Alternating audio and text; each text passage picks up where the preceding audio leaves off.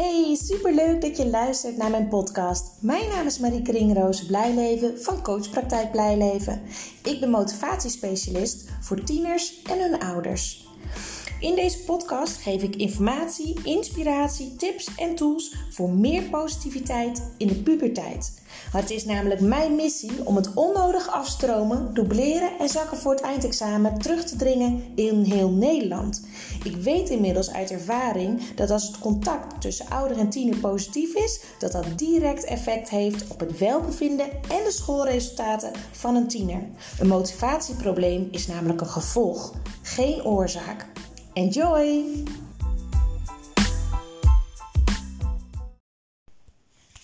Hey, goedemorgen. Uh, weer een nieuwe aflevering. In deze aflevering wil ik eigenlijk ingaan op een van de actualiteiten. Aangezien er deze week uh, een bericht in het nieuws was over een meisje van 13 jaar die van een flatgebouw is gesprongen in Amsterdam. En toen ik dat bericht las, dacht ik ja, dit is belangrijk dat mijn zoon, mijn oudste zoon, dit ook leest en weet wat het inhoudt als je dus beelden doorstuurt. En deze podcast wil ik dus eigenlijk inzoomen op gesprekken die je naar mijn idee echt ja, moet hebben met je tieners. Of het meiden of jongens zijn, maakt niet uit. Het nieuwsbericht, misschien hebben jullie hem ook wel gelezen, maar ik zal het nog eventjes eh, vertellen als je denkt van hm, waar gaat het over? Het gaat over een meisje, Surinaams meisje uit Amsterdam, die intiem was geweest met meerdere jongens. Er is niet duidelijk of dat onder dwang is geweest of eh, gewoon omdat ze het zelf wilde. Daar zijn beelden van gemaakt en die beelden zijn op social media verspreid. Een aantal jongens hebben die beelden verspreid.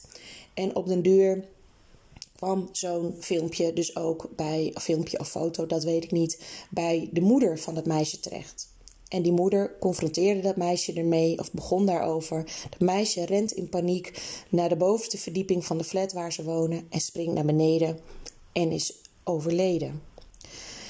En dit maakt wel weer duidelijk hoe belangrijk het is dat wij tieners inlichten over de impact van social media, over de impact van uh, dingen doorsturen. Um, ja, weet je, ik heb het dus mijn zoon ook laten lezen. En dat heb ik al vaker gedaan met dit soort berichten, zodat hij beseft wat voor een impact dat heeft als dat gebeurt. Ten eerste, sowieso zou ik nooit filmpjes, foto's of wat dan ook uh, delen hè, van, van, van seks of, of in ieder geval um, blote lichaamsdelen, laat ik het even zo zeggen. Nooit delen. En als je iets ontvangt van vrienden, nooit doorsturen. Het kan iemands leven kosten. Of het kost sowieso iemands leven, ook al zijn ze niet overleden. Het, het heeft zoveel invloed. Dus een van de gesprekken die ik zelf heel belangrijk vind bij mijn zoons. En dan heb ik het echt gewoon vanaf de puberteit heb ik het daar met ze over. Dus vanaf een jaar of 12, 11, 12. welke impact dat kan hebben. En hoe je wel en niet met social media omgaat. En ik weet nog, mijn oudste zoon kreeg op tienjarige leeftijd zijn mobiel. Nou, mijn jongste zoon heeft hij al, uh, die heeft hij nu al, die is zeven en dat is echt wel heel erg jong. En ik merk dat dat uh, eigenlijk steeds normaler wordt. Nou, natuurlijk krijg je daar van sommige mensen commentaar op. Eerst zat ik ook, bij mijn oudste zoon zat ik ook van, ja jeetje, moeten we niet wachten tot hij naar de middelbare school gaat. Uiteindelijk hebben we hem eerder gegeven, zodat we hem kunnen begeleiden in hoe je met een mobiel omgaat. Als ze namelijk uh, naar de middelbare school gaan en ze krijgen dan een mobieltje, dan zijn ze ook direct heel vrij met een mobiel. Want je bent 9 van de 10 keer ben je er niet bij dat hij zijn mobiel gebruikt. En zodra ze naar de middelbare school gaan, wordt hun wereld een, groot, een heel stuk groter opeens. ze krijgen veel meer berichtjes en ze zien veel meer mensen. Dus hebben de, het internet is natuurlijk mega groot. Ze hebben toegang tot alles. Maar ze hebben er nog niet mee leren omgaan. En dat is de reden waarvoor wij ehm, eigenlijk toch ervoor hebben gekozen om mijn oudste zoon op tienjarige leeftijd één te geven. Ja, en de jongste, dat komt eigenlijk omdat hij heel graag wilde Pokémonnen. En uh, eerst deed hij dat met onze mobieltjes, maar nu loopt hij ook zelf rond om te Pokémonnen. Ja, dan willen wij niet onze telefoon aan hem meegeven. Dus heeft hij daarvoor een eigen telefoon. En daar kan je ook op instellen, dingen waar hij niet bij kan en dergelijke. Dus dat hebben wij ook qua leeftijden. Hij kan bijvoorbeeld niet op YouTube. Um, nou ja, en TikTok en dergelijke, dat kan allemaal niet. Dus voor hem is het veel beperkter. Maar even terug naar het thema. Het is dus heel belangrijk om je kinderen te leren omgaan met een mobiel. Maar ook uh, rondom seks durven praten met je kinderen. He, wij hebben al, al, nou ik weet niet eens vanaf welke leeftijd, maar al uh, heel erg lang hebben we vooral met de oudsten erover. Als een meisje uh, ja zegt, is het oké. Als jij het ook een ja vindt.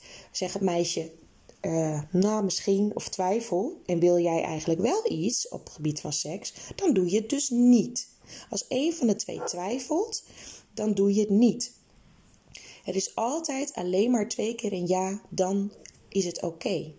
Bij een twijfel doe je niks. Dat is een hele belangrijke les. En altijd het veilig doen hebben wij het al heel veel over gehad.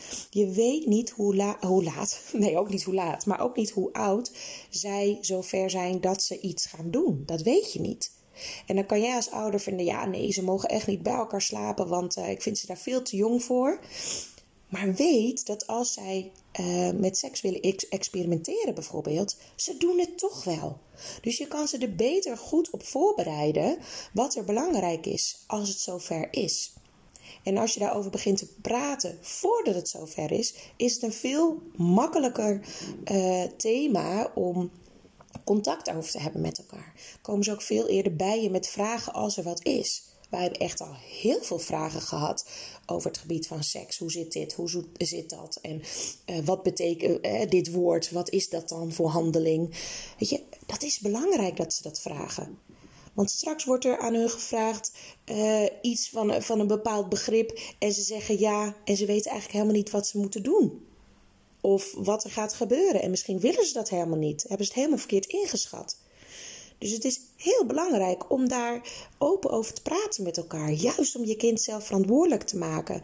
En zelfvertrouwen te geven. En te weten wat hij wel en niet wil. En ook met dit nieuws van dat meisje die dus helemaal in paniek van de flat is gesprongen en zelfmoord heeft gepleegd. Omdat er beelden zijn verspreid. Geen idee of het onder dwang is geweest of niet. Maar los daarvan. Het meisje had dit eigenlijk direct moeten melden. En uh, ja, dan zeg ik natuurlijk, weet je, nu kan je denken van ja, dat meisje kan toch niks doen. Nee, dat ben ik ook helemaal met je eens. Uh, het gaat twee kanten op. De jongens hadden, hè, die hebben voorlichting nodig wat ze hebben gedaan. En welke invloed dat heeft, nou dat, dat hebben ze nu zelf mogen ervaren. Uh, en helaas direct op een hele heftige manier. En als je in zo'n situatie terechtkomt als jongen of meisje, dat je naar je ouders gaat of naar iemand die je vertrouwt, dat je deelt. Of je eh, nou uh, de dader bent of het slachtoffer, om maar even zo te zeggen. Het is zo belangrijk dat ze weten: dit is niet goed. Dit moet ik delen. Dit moet ik met iemand bespreken. Um, want er komt zoveel bij kijken. En leeftijd van 13 jaar, dat, dan ben je gewoon overrompeld. Aan beide kanten. Um, dus dat is sowieso een heel belangrijk thema om te bespreken. Mobiel gebruik, social media, seks, maar ook drank- en drugsgebruik. Ik heb het al meerdere podcasts genoemd. Mijn zoons weten ook, wij zijn uh, geen voorstander, en dan druk ik het zacht uit, van drank- en drugsgebruik. Ik heb sowieso zelf nog nooit drugs gebruikt. Ik heb daar ook helemaal nooit behoefte aan gehad. Ik ben er ook veel te scheiterig voor. Ik wil controle over mezelf houden. Dus ik hoef, heb nooit die behoefte gehad om dat, om dat uit te testen. Uh, drank, ja, toen ik 16 was, toen mocht dat nog op 16-jarige leeftijd. Toen dronk ik echt wel wat als ik ging uitging. Maar nu drink ik eigenlijk ook bijna nooit. Heel af en toe een wijntje, maar niet veel. Ik heb die behoefte gewoon niet. Dus het voorbeeld geven wij eigenlijk al. als je zelf zegt van nou ik wil niet dat je uh, drugs gebruikt, maar vervolgens een van de ouders uh, zit uh, elk weekend te blowen, ik zeg maar wat, dan geef je eigenlijk al het verkeerde voorbeeld. Je weet, jongeren doen ons gedrag na. Ze doen niet per se wat wij vertellen, maar meer wat wij voortleven. En dat is belangrijk om te onthouden, ook met alcoholgebruik. En nou ja, wat ik zei, mijn, eh, onze zoons weten dus dat wij daar geen voorstander van zijn. En, maar ze weet ook dat als het ooit zo ver komt, vooral de oudste dan, hè, met de jongste hebben deze gesprekken nog helemaal niet. Die zit er soms wel bij, moet ik zeggen. Ehm, maar de oudste weet ook, ja, als hij wel gaat proberen, of dat nou drugs is of drank, en het gaat mis, of hij voelt zich niet lekker, of, of iemand anders, hè, een vriend of vriendin of zo, uh, voelt zich niet lekker of gaat mis, bel ons. We zullen niet boos worden, we komen, we komen direct eraan en we helpen. Want die veiligheid moeten ze voelen. Mijn zoon is al heel open erover dat hij nieuwsgierig is uh, naar wiet, naar blowen. Maar daar baal ik onwijs van. Ik snap er ook niks van. Hoezo is dat interessant? Maar goed, hij is niet hetzelfde als dat ik ben. En dat experimenteren gaat op den duur komen dat, dat is nu nog niet zo. Ehm, dat weet ik zeker, want hij vertelt dat soort dingen ook. Toen hij uh, een tijd geleden, dat was volgens mij een jaar of twee jaar geleden, ze was echt wel jong, hebben ze uh, met een groepje vrienden uit de klas hebben ze, uh, een sigaret gerookt.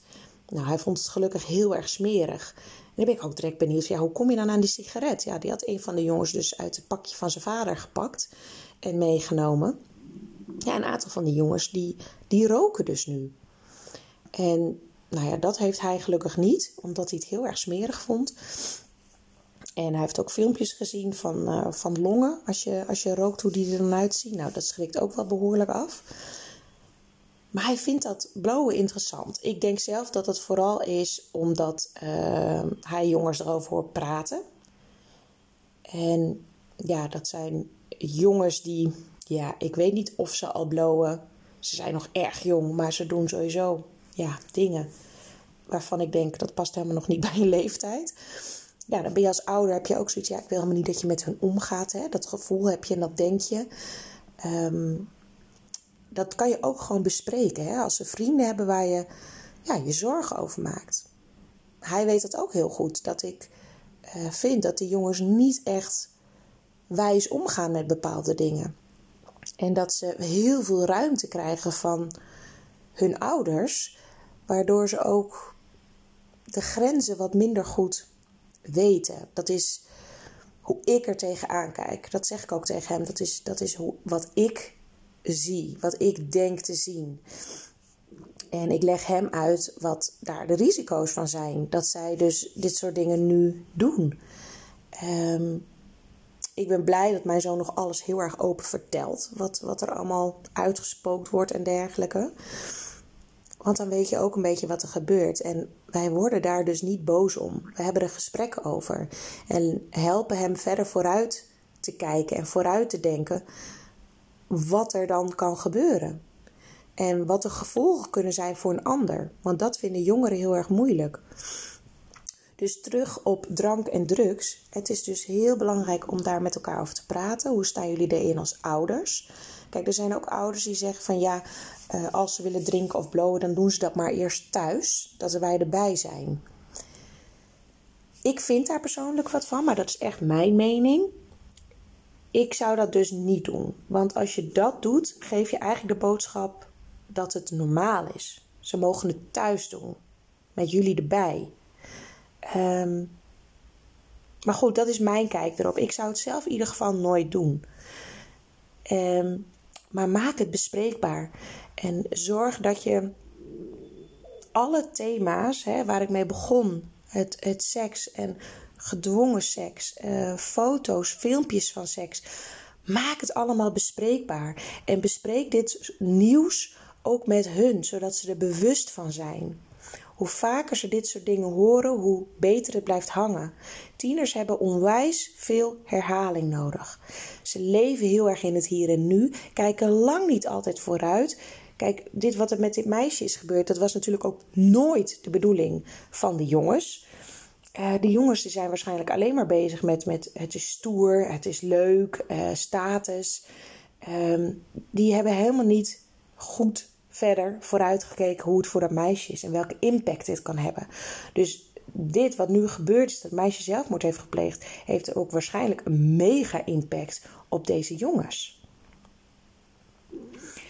Ehm, ja, ik hoop dat ik een beetje duidelijk heb kunnen uitleggen wat ik persoonlijk heel erg belangrijk vind uh, qua thema's die je bespreekt met je tieners.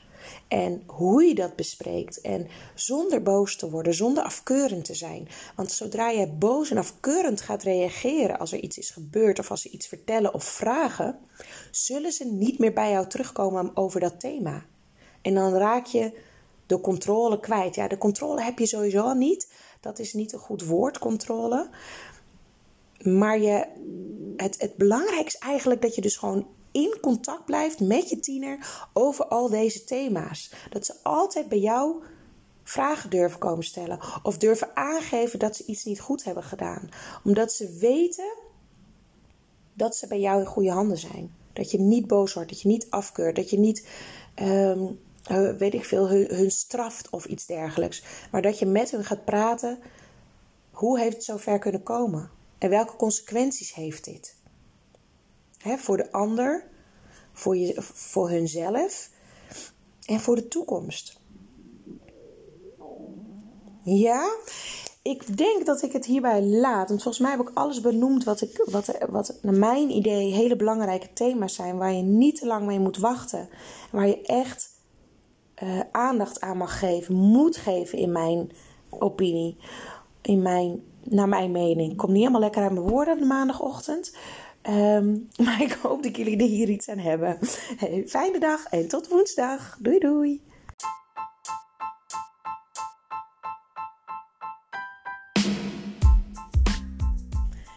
Dit was weer de aflevering van deze podcast. Ik hoop dat je het leuk hebt gevonden, dat je er veel informatie, tips en inspiratie uit hebt kunnen halen.